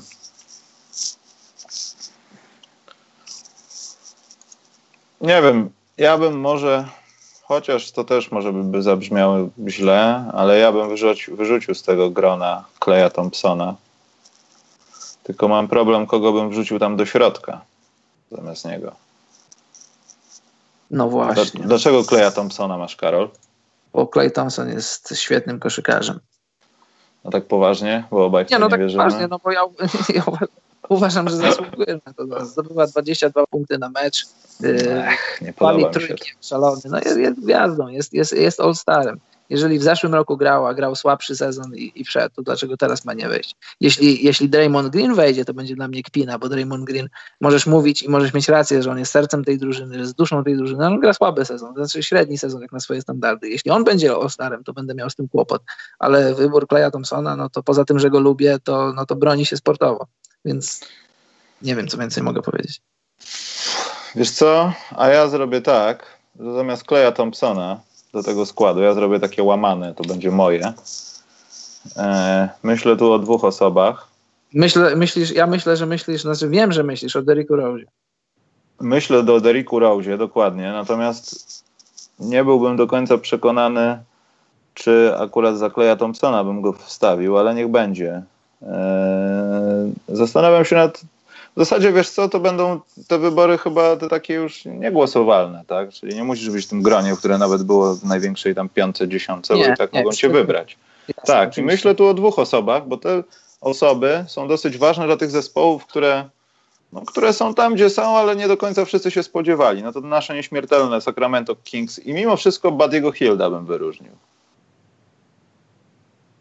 Myślę, że Buddy Hield bardziej, więcej znaczy dla sukcesu Kings, dla sukcesu, dla wyniku Kings niż Clay Thompson dla tej zbieranic, zbieraniny jednorazowej, znaczy jednorazowej, jednomiastowego meczu gwiazd, jeszcze z wracającym Kazinsem. I nawet jeśli by doszło do tego, że a może jednak Doncicza wyrzućmy i wpadłby tam Clay Thompson, to i tak bym myślał o nim albo o Tab- Tobiasie Harrisie, szczerze mówiąc. Bo Tobias Harris też dużo zrobił, dużo zrobił. Dużo robi dlatego, jak, jak grają i czym są Los Angeles Clippers. To też jest jedna z tych niespodzianek. To nie to LA miało być lepsze. I zastanawiam się, który z tych dwóch. No to wstaw, kogo tam sobie uważasz. No bo na Conleya to za mało. Booker Tak. i te 25 pr- punktów mnie nie oczaruje. Steven Adams kocham to wszystko, co się tam dzieje, ale skoro mam Kleja zamienić za kogoś na tej pozycji, no to bliżej jest tej dwójce. Dobrze, niech będzie ci Vlady Divac. Buddy Hield. Dobrze, czyli y, rozumiem, że wszystkich masz tak jak ja miałem, a Kleja zamieniasz na Buddy'ego Hilda. Tak, zastanawiam się nad DeRozanem, czy też złe rzeczy, które działy się w San Antonio, nie ograniczają tego, że można kogoś wyciągnąć lepszego i może ewentualnie jeszcze poczarować się tym Harrisem. Może gdzieś tam, wiesz, Denver Nuggets i, i Jokic wszystko dobrze, ale gdzie jest Jamal Murray? On też na początku ciągnął tą ekipę, jeśli chodzi o ofensywę w jakiś sposób, a jeśli nie, to ustawianie gry i podawanie do kolegów. Nie, nie gra na 20 punktów na mecz, no ale dzięki temu Denver jest też tam, gdzie jest. No wiadomo, że Jokic to Jokic, no i koniec. Ale nie, nie upierałbym się tak z drugiej strony. Za kim? No, W sensie nad, nad podmianą jeszcze kogokolwiek. Dobrze. Chociaż płaczę po, po Rose, no płaczę. I jakbym na przykład wyrzucił DeRozana, no to byłoby świętokradztwo, ale bym się zastanawiał nad tym. To ja tutaj jeszcze wpiszę Hilt Rose, żeby nie było. Może będzie 13 osób w składzie. Może za Jamesa wejdzie na przykład Hilt i, i Rose wejdzie za Kleja na przykład. Ja bym pozwolił, jakbym był Silver. Ja też, bo Rose ewidentnie zasłużył, ale nie przez to, że łezki, skrzypeczki, w ogóle smutna atmosfera, tylko przez to, że on to sobie wywalczył. To, to nie jest wypłakane 6 punktów gościa bez nogi, tylko wygrywanie spotkań. Kropka. Towns. Właśnie, Karol, o się zapomnieliśmy. Nie, nie zapomnieliśmy. Nie Dobrze. zapomnieliśmy, Michał. Czyli to w tym sensie, że nie zapomnieliśmy i tak. dlatego zapomnieliśmy. Ale nie, może za Jamesa wtedy, to już spo, może 15 w składzie. E, tak, Towns musi sobie, no i kilku jeszcze musi sobie wyhodować, to spore. Dobrze, Karol, to poczekaj chwilę. Może bliżej końca ja tu zmienię kolor tego i jakoś to lepiej rozplanuję. Natomiast może zacząć od wschodu, bo tutaj, jest, tutaj to jest prawdziwy problem, Karol. Wschód, problem no. bogactwa. E, moja pierwsza A, bogactwa. Ładnie moją to pierwszą, moją pierwszą piątkę stanowi front. Embiid, Kawhi, Janis. Moment. Na obwodzie. Dobrze. Embiid, Kawhi. Janis. Poczekaj, stop, właśnie, co z Aldridge'em, Karol? Nie, stop, ja to, nie, stop, przepraszam. Zatrzymujemy transmisję, Bartek. Naprawdę masz rację poczekaj, ja tutaj Proszę, muszę zrobić, Karol. Jest, jest, jest cała lista, to znaczy cała lista, do tych 12 nazwisk może dodać jeszcze 5, 6, 7 yy, Oczywiście, osób, ale nie może być DeRozan, którzy, jak nie ma Aldridge'a. Którzy, wiesz, którzy Aldridge. hashtag zasłużyli, którzy zasłużyli, ale Aldridge to jest, wiesz, ja Aldridge'a bardzo lubię od początku jego kariery, tylko że, tylko że Aldridge to jest, to, to jest case y, ala Horforda, to nie, są, to nie są ludzie, to nie są ludzie na mecz gwiazd to są ludzie tacy, których potrzebujesz do swoich drużyn, do, nawet do mistrzowskich drużyn, ale to nie, są, to nie są ludzie na mecz gwiazd. No co będziesz, w meczu gwiazd chcesz oglądać wsady i szybkie akcje, a nie będziesz, rzucał, nie będziesz oglądał rzutów z pięciu metrów o tablicę. Dobra, Karol, nie interesuje mnie to. DeRozan wypadł właśnie z naszego listingu, jest tylko Aldridge. I nie interesuje mnie to, czy się zgadzasz, czy nie. Szczerze mówiąc. Bo tak jak powiedziałeś, możemy jeszcze wstawić ze dwóch, ze trzech i, i, i też będzie smutno. No, więc dobrze. Wschód, Karol. Wschód, no to już powiedziałem. Skończyłeś na Kałaju i co dalej? E, mój front. Kawaj, Embiid i Janis. Aha. A, a mój backcourt stanowią e, Kyrie i Kemba, tylko że Kemba łamane przez Wade. Kemba ustąpi miejsca, no bo jako gospodarz w Charlotte ustąpi miejsca Wade. Kemba Wade. przez Wade, tak? Kemba łamane przez Wade, Kemba ustąpi miejsca w pierwszej piątce, tak jak Vince Carter ustąpił kiedyś Jordanowi, zagra jedną akcję, po czym, po czym e, dostanie standing ovation i z powrotem zmieni Kembę. Dobrze, tak też może być, Karol. Eee, czekaj, niech się temu przejrzę. Dobrze, niech tak też będzie. Ja nie mam żadnych tutaj obiekcji. Może, może Kairiego bym przesunął, ale, ale może nie, lepiej. Dobra, co dalej? Bo ja myślę, że Bradley Bill musiałby tam być. E, dalej mam, tak, oczywiście mam, e, mam Bradley'a Billa, później mam, mówić dalej, czy będziesz, czy potrzebujesz czasu? Żeby... Nie, będę ci mówił teraz, że Blake Griffin pewnie. Tak, Bradley Bill, Blake Griffin, Nikola Vucevic, no. E, Kyle Lowry, no. I mam, e, mam, mam tak, e, mam e, Ben Simmons łamane przez Jimmy Butler, to jest moje 11 miejsce, a 12 to jest D'Angelo Russell. Poczekaj, bo się zobaczyłem na czat. Co po, Laur po Laurem? Po Laurem mam, i to już byłoby, poczekaj, tak, Griffin to jest 7, to znaczy Wade to jest 6, Griffin 7, Bill 8, Wucewicz 9, Laury 10, i teraz powiedzmy D'Angelo Russell to jest 11, no powiedzmy tak, y, mam 10 i teraz mam tak, D'Angelo Russell, Ben Simmons i Butler to są trzy nazwiska, z których, y, które y, mam dwa miejsca do obsadzenia. Jednego z tej trójki muszę odrzucić i na ten moment się zastanawiam kogo. Mam Ben Simmons, Jimmy Butler i D'Angelo Russell. Jednego z nich muszę wykasować, nie wiem kogo. Ja bym wykasował hmm. No właśnie. Z przykrością wykasowałbym Butlera. Myślisz?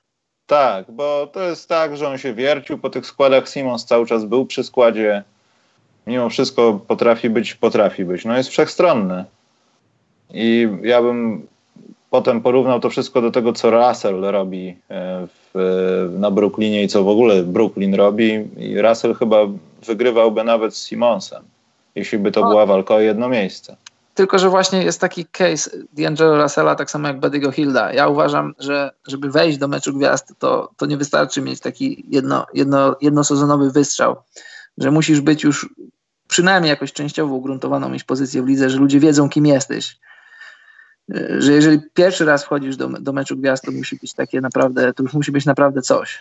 To tak jak, jak Doncic. Doncic robi, no, no my mamy obaj Doncicza, on robi wyjątkowe rzeczy i, i, za to go mamy. Ja nie wiem, czy, czy on wejdzie, no bo tak gdybym miał tak alternatywnie 12 najlepszych koszykarzy na wschodzie w tym momencie dać, no to Doncicza bym tam nie miał. Ale mówimy o meczu gwiazd. To jest no, to trochę inna, inny rodzaj imprezy i inny rodzaj rankingu, który robimy. No, więc y, no nie wiem, mam na razie kłopot, czy, czy D'Angelo Russell, czy, czy Jimmy Butler. No Jimmy Butler jednak jest już gwiazdą z ugruntowaną pozycją. Ale poczekaj, e, nie licząc tej trójki, mamy czterech i piątkę plus jeden, czyli dziesięciu. Mhm. Mamy jeszcze dwa miejsca, więc moim dwa zdaniem. nazwiska. Tak, ale moim zdaniem Russell może być kolejnym nazwiskiem i teraz mamy jedno miejsce, dwa nazwiska. I do tych nazwisk jeszcze można coś dopisać, bo na przykład A, Pascal Siakam. Nie, to za mało, to za mało. To, to, Myślisz, że za mało? Tak, myślę, że przełomowy rok to jest jeszcze za mało, żeby, żeby być docenionym, żeby, wiesz, to jest All-Star, to jest, to jest mecz gwiazd, to jest, musisz być gwiazdą. Ale ja... wiesz, Karol, z drugiej strony popatrz na to, co się dzieje w Miami Heat. Masz Hassana Whiteside'a. Myślę, że będąc gościem w NBA, który wchodzi pod kosz i gram już powiedzmy od dwóch, trzech sezonów i wiem, co robi Whiteside, ja mimo wszystko staram się wejść pod kosz. Natomiast kiedy ja wchodzę pod kosz i tam jest Siakam, ja nie do końca wiem, co się dzieje. Tak kiedyś się działo na początku kariery z Bismakiem Bijombak, jeszcze nie był taki bardzo atletyczny, ciężki, tylko był taki chudy, naturalny i skakał do wszystkiego, co, co się rusza. I on tak trochę wygląda. Boisz się wchodzić na takich ludzi. Whiteside'a jeszcze możesz coś wychwycić, a nóż się jeszcze zdenerwuje po tej akcji wyleci z boiska.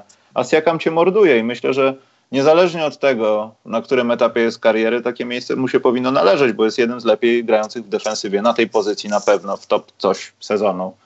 E, zawodnikiem. Ja się ze wszystkim zgadzam z tym, co powiedziałeś. Ja Siakama śledzę od początku jego kariery. I, no ale no, na ten moment nie mam go. Nie mam go w dwunastce na, na mecz gwiazd. Mam, bardzo doceniam jego pracę, mam go gdzieś wysoko jako zawodnika, który poczynił największe postępy. Znaczy mam go w grupie zawodników, którzy to zrobili. Bardzo się cieszę z jego sukcesu i, i zgadzam się ze wszystkim, co mówisz. No ale kogo mam wyrzucić z tej dwunastki, którą mam teraz nawet trzynastkę? Może Laurego, bo ma mało meczów, no ale Laury to też jest All-Star i też jest ugruntowany All-Star i, i, i, wiesz, i, i Raptors będą potrzebowali zdrowego Laurego, żeby, żeby wygrywać. I Laury jest All-Starem. I to jest zawsze tak, że jak masz zawodnika, zazwyczaj, nie zawsze, masz zawodnika wchodzącego, który robi jakiś tam wystrzał w sezonie i masz takiego starego wyjadacza, to jest najlepszy przykład, masz Siakama i masz Laurego no to musisz docenić Siakama jako zawodnika, który zrobił ten skok jakościowy, no ale też, e, żeby. To jest tak jak w walce bokserskiej, jak masz, jak masz challengera i masz mistrza, to żeby pokonać mistrza, to musisz, musisz wyraźnie go pokonać na punkty. To tak samo tutaj, żeby, żeby Siakam wyjął miejsce Laurego, to musiałby być jeszcze, jeszcze o trochę lepszy. Dlatego na ten moment mam Laurego, mimo że opuścił sporo meczów, no może nie aż tak super dużo, no ale trochę tych meczów opuścił Dlatego mam Laurego ponad Siakamem i też, też nie wiem, z tej, z, tych, z tej listy nie tylko 12, nawet 13 nazwisk ciężko mi kogoś wykreślić i wrzucić Siakama. Może, może Rasela, ewentualnie Rasela, bo to też jest taki podobny case, że, że zrobił taki skok w tym sezonie. To, to tutaj mógłbym dyskutować, czy, czy D'Angelo Rasela, czy Siakama, no ale raczej, raczej chyba na ten moment jestem przy, przy Raselu, mimo że Siakama bardzo lubię. No dobrze, Karol, to w takim układzie musimy zadecydować, czy Simons, czy Butler. Rzut monetą, cokolwiek. Czy Simons, Dobra. czy Butler? No nie wiem, nie wiem, nie wiem. Za to, że się tak wiercił, był niegrzeczny i Filadelfia i tak ma kupę talentu, to docenimy młodość i niech to będzie Simons. No tak, niech na to jeszcze popatrzę. I tak się zastanawiam, wiesz, wiadomo, że y, John Wall nie zagra mm, jak będzie w tej grupie, która żąda podmianki, to może któryś z tych zawodników się tam po prostu nie znaleźć. Tak teraz wymyśliłem, bo nie wiem, co z takim Wallem będzie. Mimo, że ludzie na niego głosują. No. Nie, no raczej już zapomniany temat. No dobrze, Karol, to ja to zapisałem. Jest dla wieczności. Pewnie sprawdzimy to niedługo, czy to się pokryło jakoś z NBA. Ale to wiesz, to się nie musi nagrywać, to są nasze Musi, głosy. nie, nasze musi, jesteśmy. Karol Ale wiesz, ekspertami, ale byliśmy to- za granicą. Tak, ale Michał, to jest, bo to jest ta lista, czy to jest próba przewidzenia tego, co zrobi Liga, czy to, są, to, czy to, jest, to, to jest nasza dwunastka? Moim zdaniem to jest to drugie, to jest nasza dwunastka All-Star, a co sobie Liga wybierze, to mam to mam to gdzieś. No, delikatnie powiedziałeś. Dobrze, Karol. Słuchajcie, jakieś pytanka do nas i powoli będziemy lecieć. A, jedna informacja. Ja dzisiaj, jak będę wrzucał ten odcinek w formie MP3, to dokonam takiej sztuczki, która pozbawi numeracji wszelkich y, odcinków w MP3 na serwerze, co mam nadzieję spowoduje, że będą odświeżane według y, uploadu albo zaznaczonego czasu nagrania. Nie wiem, zawsze zaznaczam tak, jak było nagranie, także jeśli to nie pomoże, no to, no to już nie wiem, podcast Garden trzeba będzie podziękować i jakoś się zabratać z kontem premium na SoundCloudzie. Ale to sprawdzę dzisiaj, myślę, że około 22-23 zrobimy taki test. E, No i co? No i to tak zapomniałem z tych spraw technicznych, także jak macie jakieś pytanka, walcie. Natomiast Karol, mam do ciebie pytanie. Słucham. Czy dwie rzeczy? Bo ja nie wiem, ja potrzebuję porady, albo tak jak to mówi się e, w Stanach peer pressure, że ludzie po prostu muszą wywołać na mnie takie, takie ciśnienie, żebym tego nie robił. Bo mam zamiar w tym roku po raz pierwszy od o, 10 lat może, może więcej, nie obejrzeć na żywo konkursu wsadów. Mhm. I pytanie brzmi, Karol, czy, to, czy mam tak zrobić, czy jednak ten konkurs będzie przesuper? Bo jak myślę, że będzie Miles Bridges albo ktoś taki, to jednak chyba jestem za tym, żeby przespać konkursy i obejrzeć to sobie rano, elegancko, herbatą. E, opowiem ci, nie wiem czy pamiętasz, rozmawialiśmy o tym. E, e, rozmawialiśmy o tym w podcaście właśnie po meczu gwiazd. Podstawowa rzecz jest taka, to, dla ciebie i nie tylko dla ciebie. Jeśli mnie pytasz, to ci daję taką radę. Nie nastawiaj się, nie nastawiaj się, że ten konkurs będzie taki jak w 2000 z, z Carterem, że nie będzie taki jak w 2016 z Lawinem i, i, i z Gordonem. Miej niskie oczekiwania, miej oczekiwania takie, że zobaczysz może jeden, może dwa fajne sady i wtedy się nie rozczarujesz, bo jeśli, bo wiesz, to też jest taka, to też trochę jest nie, nierozsądne oczekiwać co roku, że, że wydarzą się jakieś monumentalne rzeczy, bo num- monumentalne rzeczy dzieją się raz na dekadę. Ja z takim nastawieniem podchodzę do, do konkursów, do, do ogólnego Nie, Karol, nie, nie, nie. Ale ja nie chcę zobaczyć Matki Boskiej na Jasnej Górze, tylko ja po prostu nie chcę zasypiać przy pierwszym danku, rozumiesz? Ja chciałbym zobaczyć przyzwoite widowisko. Kawy się napij. Nie, no to na siłę to nie ma sensu, wolę pójść spać. Po co obciążać serce w moim wieku, to już wiesz, No bliżej właśnie. niż dalej jest. Dobrze, no to nie wiem, czy skorzystasz z mojej rady. Czyli Moja rada nie. jest taka, o, obniżyć, obniżyć sobie oczekiwania i nie, nie, nie zastanawiać, znaczy nie, nie oczekiwać od ligi, że będą rzeczy wow, dlatego że zobacz, oprócz tego, że my się interesujemy koszykówką NBA, to od, od dobrej dekady albo nawet i więcej jest odnoga koszykówki, jest profesjonalne dankowanie. Jeśli oglądasz, a przecież oglądasz tych profesjonalnych dankerów, Lipka i innych chłopaków, no to to ciężko jest nas czymś zaskoczyć, bo no naprawdę jest ciężko zaskoczyć, a to są, to są przede wszystkim, to są koszykarze, to nie są dankerzy, trzeba, trzeba to podkreślić. Dankerzy to, to już jest osobna odnoga sportu, to jest osobny, w zasadzie to jest osobny sport, oni trenują, oni pracują na to, to jest osobny trening, to nie jest trening koszykarski, to jest trening siłowy na to, żeby skakać, robić, robić wsady. Więc już, już sam, samym tym faktem masz podniesioną poprzeczkę oczekiwań. No i tyle, no. Dobrze, pytanie będzie inne. Czy, A? czy będzie ciekawy mecz gwiazd? Czy będzie jakaś walka? Czy A też tutaj- nie warto tutaj- pójść spać i... Tutaj, tutaj też nie mam jakichś super oczekiwań wielkich, y, bo historia ostatnich lat, czy może nawet ostatnich już ładnych paru, może nawet 10 lat jest taka, że czy możemy mieć zarzut do tych gwiazd dzisiejszych czasów, że chcą mieć przede wszystkim dobrą zabawę, w sobotę się zbombić, a w niedzielę na kacu sobie zagrać. No wiesz, pamiętamy te, te, te, te mecze gwiazd 96, 2000, 2001, one były naprawdę takie, wiesz, zacięte i, i to były prawdziwe mecze, niektóre po przedłużoną dogrywkę i to się oglądało. A dziś to jest taki trochę show, żeby ludzie sobie pobiegali, porobili wsady i też za bardzo się ani nie zmęczyli, ani nie zrobili sobie żadnej kontuzji. Ja nie wiem, ja, ja oczekuję od tego meczu, że to, że, to, że, to, że to nie będzie mecz, tylko to będzie taka, wiesz, taka bieganina, w której historią będzie na przykład, że się Stef położy, a przeskoczy nad nim Janis, co nie mówię, że mi się podoba, ale to, to no, stety czy niestety takie mamy czasy, że, że, że gwiazdom jakoś nie zależy tak bardzo na tym. To też A tak, a tak poważnie to chyba gdzieś będę chyba w Warszawie oglądał, może gdzieś tam baza Chicago Bulls Polska będzie robi, robiła gdzieś. Także ja chyba sobie pooglądam coś.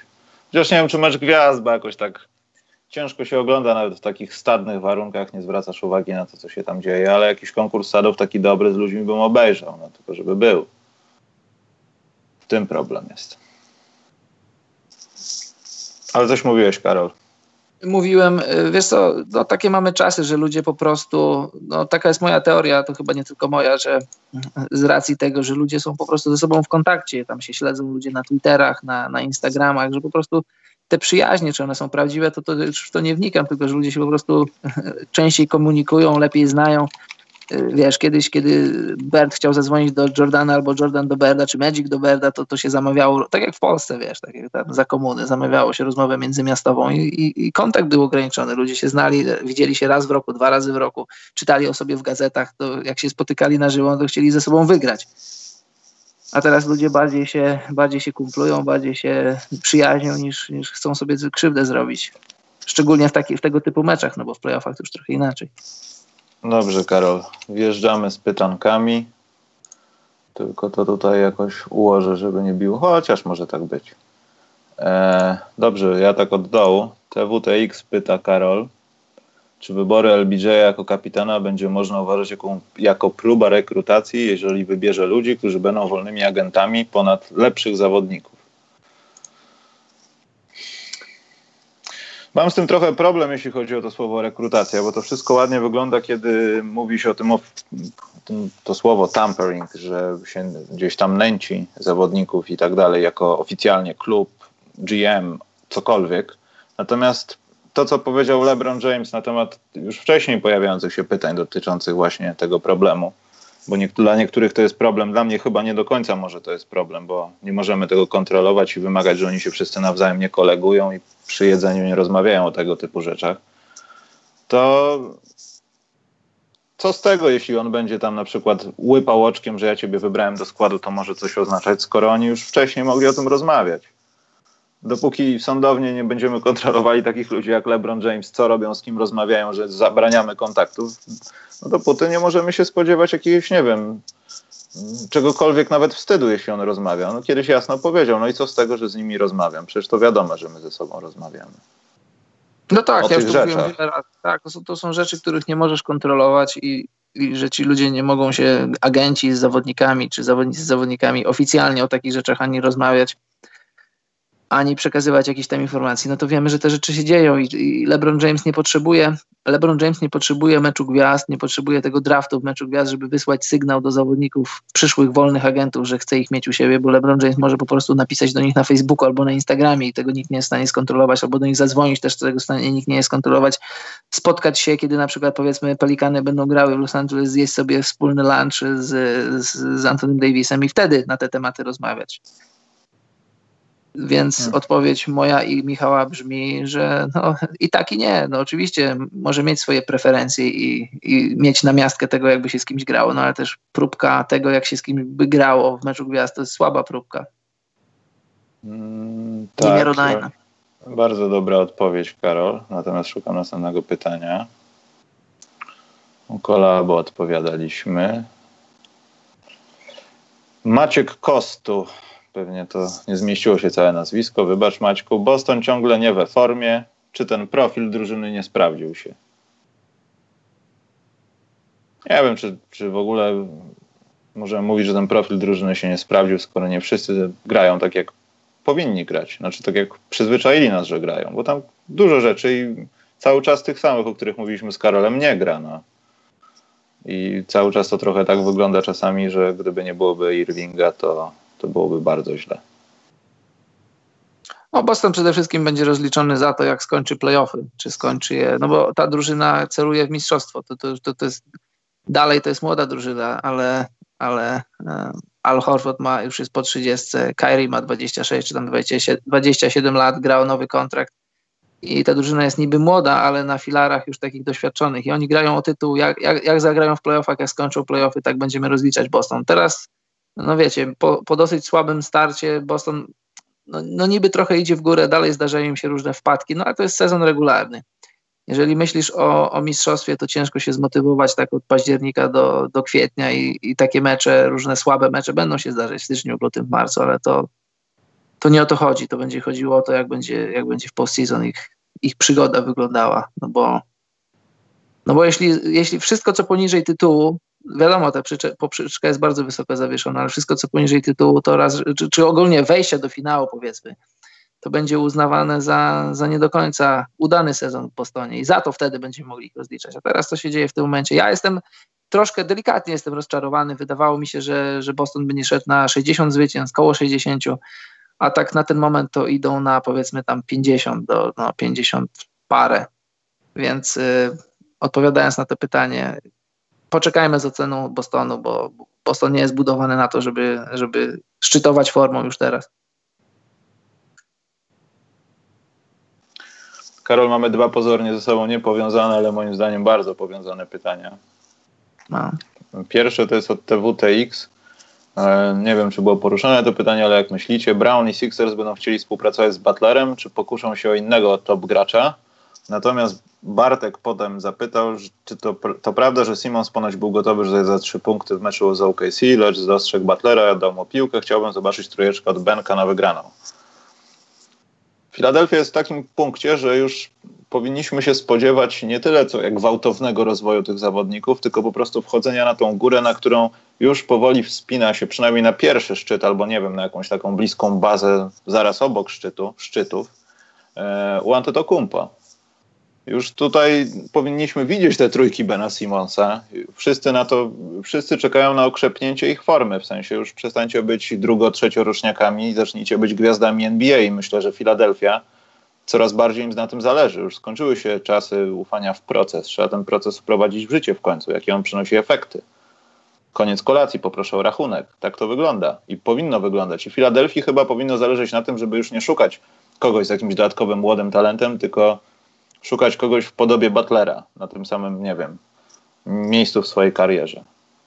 I ciekawe, jak szybko to się stanie, bo no, to hodowanie w Filadelfii trwało strasznie długo i no już w końcu trzeba byłoby je zakończyć. A czasami to wygląda tak, że no, nie są gotowi, żeby to zakończyć. To, to, to, co czasami, sorry, robi Simons, to przypomina, no nie wiem, jakieś, jakieś takie wygłupianie się, a potem ma triple-double na przykład. Ja mam bardzo podobne zdanie tylko z taką malutką adnotacją. A, ale zacznę od tego, że mam bardzo podobne zdanie. Proces się już zakończył i Filadelfia już też, też gra o mistrzostwo. Może, może te poprzeczki są wysoko zawieszone, no ale no, jeśli masz jeśli masz tyle talentu w drużynie, no to, no to o samo wejście do playoffów, czy do jakiejś tam drugiej rundy, czy finału konferencji, to jest trochę za mało. Philadelphia gra o tytuł, to bezsprzecznie. To, to, to jest ich, to jest ich, to, tam jest ich sufit, tam jest ich poprzeczka, ale moja mała adnotacja jest, jest taka, bo ja też uważam, że Butler powinien zostać i, i, i pasuje do tej drużyny. Nie, nie kupuje tych tekstów i nie kupuje tych test, że tam się coś nie sprawdziło. Jak się mogło nie sprawdzić, jak oni grają ze sobą półtora miesiąca, więc e, ludzie w dzisiejszych czasach trochę są tacy za, za niecierpliwi, za, za, szybko chcieliby odpowiedzieć, odpowiedzi na wszystkie swoje pytania. A ta moja ma, mała adnotacja jest taka, że, e, że o ile Filadelfia już, już chce grać o tytuł i powinna już chcieć grać o tytuł, o tyle Butlerowi trochę bardziej się powinno spieszyć do tego tytułu. On ma 30 lat, będzie miał niedługo 30 lat i no, ile będzie grał swojego, swojego takiego basketu na poziomie All-Star, to tego, to tego ja nie wiem. Może 3 lata, może 4, a, a Simons i Embiid, oni są o, po, o pół pokolenia, może nawet o całe pokolenie młodsi i oni teoretycznie mają jeszcze czas, żeby przegrywać w playoffach, żeby, żeby zbierać doświadczenie i to trochę ta drużyna jest trochę dwóch prędkości, ale to wcale się nie musi wykluczać. To może być e, z racji tego, że, że Jimmy wie, to znaczy oni wiedzą, Simmons i Embiid wiedzą, że Jimmy'emu trochę bardziej się spieszy, to może ich nastawienie będzie trochę inne. Może gdyby oni we dwóch prowadzili drużynę, to wie, wiedzieliby gdzieś tam w perspektywie, że mają jeszcze trochę czasu, że mają czas się rozwijać i, i popełniać błędy i uczyć się na nich, ale z racji tego, że mają Butlera, który tym Butlerem, którego znamy, może będzie jeszcze przez 2-3 lata, no to, to może, może to podziałać pozytywnie na, na Filadelfię, więc y, no, y, to zgadzam się z Tobą i ta moja odnotacja jest taka właśnie, jak powiedziałem. Dobrze, to chyba A było jeśli chodzi, o ostatnie. trójki, No. jeśli chodzi o trójki Simonsa, bardzo się cieszę. To jest moja, moja, moja, mój bardzo wielki pozytyw. Moje śliwki robaczywki, moja wielka śliwka wędruje do Simonsa, że nie ulega presji i nie rzuca za trzy punkty. Jeśli nie umiesz, to nie rzucać, nie próbuj. Próbuj na treningach, jeśli ci wpada, to fajnie, spróbuj kiedyś w meczu, a jeśli ci nie wychodzi, to nie, nie rzucaj na 12%, na 15%, tylko dlatego, że jest presja wiesz, y, dzisiejszy, dzisiejszego świata koszykarskiego, że wszyscy mają rzucać za trzy punkty. Bardzo fajnie, że nie rzuca. Jok, y, Simons nie rzucił trójki od przedwojny i niech, i niech nie rzuca, niech nawet nie próbuje, bo, bo jest, pokazuje, że nawet i w dzisiejszej szalonej koszykówce, szalonej na, na, na punkcie rzucania za trzy punkty, nie musisz rzucać za trzy punkty, żeby być all-starem, nie musisz rzucać za trzy punkty, żeby być game changerem i niech tak zostanie. Tutaj jeszcze jedna sprawa, Arszawin. Czy myślicie, że Okafor wciąż ma potencjał, jego dobra gra to kwestia większych minut? Mówimy tu o Emece? Emeka, Emeka Okafor. Nie, on kompletnie nie ma szans. Mamy szansę go spotkać w Londynie 2020. Nie, ale tak poważnie, y, Jalil Okafor, jeśli to jest chyba dalej kłopot gdzieś w głowie, bo nie wierzę, że to, chociaż może jakiś ten deficyt minut i wchodzenie do tej gry to jest kłopot, no ale jeśli się blokuje cztery rzuty w pierwszej kwarcie i jest się w stanie to zrobić, to znaczy, że coś tam się dzieje dobrego w tym człowieku w środku. Tylko pytanie, kto go odblokuje w końcu? Bo nawet jak się patrzy, nie wiem, nie chcę żeby powiedzieć, że mi się bezpośrednio kojarzą, ale jeśli chodzi o takie szarpane bardzo i niepewne momenty w grze, no to jeśli Kenneth Farid chyba może w Houston znalazł miejsce, w którym będzie potrzebny yy, i będzie mógł robić rzeczy, które zawsze robił, ale wszyscy wymagali od niego jakichś kosmicznych rzeczy, a może on po prostu jest takim zawodnikiem zadaniowym bardziej niż gwiazdą, yy, to można. Tylko pytanie kto, bo to jeszcze się nie wydarzyło i nie wiem, czy tak szybko się wydarzy. Ale szacunek, że gra i podejmuje walkę. No, są tacy ludzie jak Larry Sanders, którzy dalej malują obrazy po LSD, a nie próbują swoich sił w NBA. No. Rok temu w Cleveland, tak? Tak. Dobrze, Karol, tym pytaniem już na pewno zamykamy. To jest ostatnie pytanie gratis. Na pewno. Czytam, Karol. Ale mówiliśmy o tym, tylko to jest znowu pytanie takie podobne dosyć, także będzie łatwe. TWTX pytał znowu. Conley czy Gasol, czy któreś z nich, w sensie gwiazd, jest w stanie zmienić układ sił na plus w innych zespołach? Conley na przykład w Spurs. Ależ oczywiście. To nie ma, nie ma wątpliwości, że, że jeśli, wrzucisz, jeśli wrzucisz Gasola do drużyny, która walczy teraz o tytuł, no to, no to wzmocnisz. Też pytanie, jakim kosztem, za jaki aset. No ale generalnie, jeśli wrzucisz Gasola na, na środek do drużyny, obojętnie jakiej, która, która teraz na ten moment celuje w mistrzostwo, no to, no to oczywiście, że podnosisz sportowo taką drużynę. Doświadczenie, wojskowe IQ. Tylko pytanie, co, co, co w zamian? No ale zakładam, że drużyny walczące o mistrzostwo nie będą chciały burzyć y, y, swojej rotacji tylko po to, żeby ściągnąć 34-letniego centra, że to będzie się odbywało jakoś tam rozsądnie, logicznie i w sposób przemyślany. Tak samo Conley. Conley jest kosztowny, no ale Conley jest, jest świetnym koszykarzem. On się ociera o All-Star, All-Starem nigdy nie był, ale w moich oczach on jest zawodnikiem poziomu All-Star. Jeżeli jeżeli wrzucisz go też do drużyny, która walczy o tytuł. I też no, podstawowe pytanie, jakim kosztem, no ale zakładajmy, że kosztem jakimś takim nie, nie, nie super inwazyjnym, no bo też powiedzieliśmy wcześniej, że Memphis, jeśli będą, jeśli pozbędą się Conleya i Gasola, to nie po to, żeby, żeby z innymi nazwiskami walczyć o playoffy, się gdzieś tam tułać na 11-12 miejscu, tylko jeśli ich dwóch się pozbędą, no to żeby zaorać sezon i, i zaorać drużynę i, i zrobić przebudowę, taką klasyczną, gruntowną przebudowę, więc zakładam, że jeśli te dobre drużyny pozyskają któregoś z nich, to pozyskają ich małym kosztem i, i oni obaj wzmocnią, więc dla mnie nie ma wątpliwości, że obaj, każdy z nich wzmacnia drużynę, do której idzie. Pytanie tylko, czy w gotówce, czy, że tak powiem, w naturze, no bo w gotówce No tak. w sensie w lepszym talencie, w kontrgwieździe, tak? Natomiast to drugie rozwiązanie może okazać się w pikach. Chociaż Gasol dla takiej współczesnej młodej drużyny, która się odbudowuje albo jest jej niedaleko, jak nie wiem, Sacramento, bardziej, nawet jeśli nie będą potrzebować i będą wiedzieli, że tutaj mamy deficyt, to zawsze znajdziemy kogoś, żeby popchnąć z tej pozycji, ale myślę, że Gasol jest mniej taki romantyczny dla tych zespołów. Że fajnie mieć jest tego, tej klasy gościa pod koszem, ale mimo wszystko będziemy odstawać od reszty. My musimy się trochę pod innym kątem i wybierzemy Conleya, mimo że już może być stary i, i może nawet być niezadowolony z tego, że odchodzi ze swojego miasta, bo też warto wspomnieć, że Mike Conley jest strasznie związany z Memphis. Po prostu. Nie tylko jest zawodnikiem tej drużyny, co naprawdę działa dla lokalnej społeczności i to może być dla niego cios. Ja wiem, że to jest biznes i będziemy wracać do tej rozmowy odejścia DeRozana z Toronto, ale dla Conleya może to być jak najbardziej odczuwalne. Po prostu. Dobrze, Karol, powoli kończymy. Przypominam, że dzisiaj zmieniam układ numeracji w MP3, także piszcie mi na Facebooku czy na tym Spotify'u cholernym. W końcu to dobrze wygląda i się segreguje, bo, bo już nie mam więcej pomysłów. E, no i co? No i do usłyszenia w poniedziałek, miejmy nadzieję. Karol, nie masz nic w poniedziałek nieprzewidzianego? Nieprzewidzianego nie, a jeśli coś... To... Nie mogę teraz, bo mam nieprzewidzianą kontrolę. Oczekuję nieprzewidzianej kontroli. No, także w poniedziałek wracają najlepsi i najgorsi, Karol. Chyba już za trzy tygodnie będziemy musieli to wszystko przyznawać, także o, trzeba tak, będzie tak, kajecik, notateczki.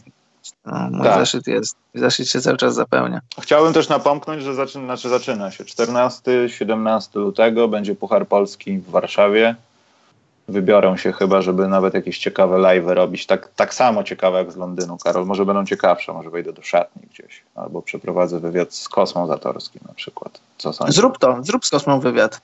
Tak, zrobię. I pokażę dowody, no. że kluby z Zielonej Góry mają wlepki. Tam jesteśmy oblepieni, cała Zielona Góra, tam team, cały staff ma wlepki, także możemy powiedzieć, że sponsorujemy ich. Nie wiem tylko co, jak, jak z tą, z lubialnością jest Zielonogórzan. Bo wiem, że na przykład są jakieś animozje w Polsce takie. Czy Zielona Góra nas słucha? To się okaże, to niech napiszą w komentarzach. Tak, Conley do Pistons i Maciek Staszewski na Twitterze dostaje zawału. Oficjalnie widzimy śmierć człowieka w internecie. Nie życzyłbym tego Maćkowi. Będą jakieś materiały z Londynu na kanale. A to jest bardzo dobre pytanie, Karol, bo ktoś nas pytał o to na Facebooku chyba czy są jakieś materiały spisane i nagrywane. Karol tam, y, u Karola szukajcie, bo w zasadzie ja się zajmowałem rzeczami, żeby to robić na żywo i w zasadzie no, nie mogłem tego zrobić naraz, bo nie byłoby na przykład niektórych tam live'ów z tego, ale Karol tam pospisywał coś, ponagrywał coś, także chyba publikował też zresztą. Trochę mam materiału, jeszcze mam trochę nie, nie, nieprzerobionego. A jeśli jakieś materiały, no to musisz Bartku wejść na naszego Facebooka, bo tam mamy te wszystkie live'owe rzeczy. Ja tego jeszcze nie zgrałem, a z rzeczy wideo, które nagrywałem, to bardziej jakieś takie wywiady, może nie do końca. Mam kilka wywiadów z treningów takich. Chyba mamy trochę tej... reportaż, reportaż z autobusu, jak pijemy Gatorade'a live. Tak, strasznie Karol tłukło telefonem w ramę tego okna i jest do dupy dźwięk, no ale to już pomijam. Poza tym jedna Karol uwaga, z twojego telefonu jak wchodziliśmy do kolejki, do już tam, żeby nas przeszukali w ogóle z akredytacjami no. na treningu, to przerywało dźwięk strasznie. I potem na hali z twojego telefonu też przerywało dźwięk. Nie wiem od czego to zależało. Sprawdzę to. No, musisz zobaczyć te filmy, bo to dziwnie wygląda. Musisz sprawdzić. Dobrze. Dobrze, Karol. Także dziękujemy za dzisiaj. Odwiedzajcie nas na Facebooku, na Patronite. Donatujcie offline'owo. Karka nie ma, Karol. Zaczynam się niepokoić. może był, osta- może był wierzę, ostatni melarz. Wierzę, że wróci. Wierzę, ja że też, wróci. ale ja też wierzę, że Elmo wróci i Hubert Stołwiński się znajdą i sfinalizujemy to, co mamy sfinalizować, a jak nie, to na biednych, czyli do koła fortuny to wrzucimy. Dobrze. Tak też się stanie. Dobrze, Karol. To dziękujemy bardzo za dzisiaj. Czas na Twoją sentencję i zmywamy się. Cześć, czołem. Dziękujemy, dziękujemy za dzisiaj. Życzę Wam i Tobie, Michał, udanego weekendu i dobranoc, mili ludzie.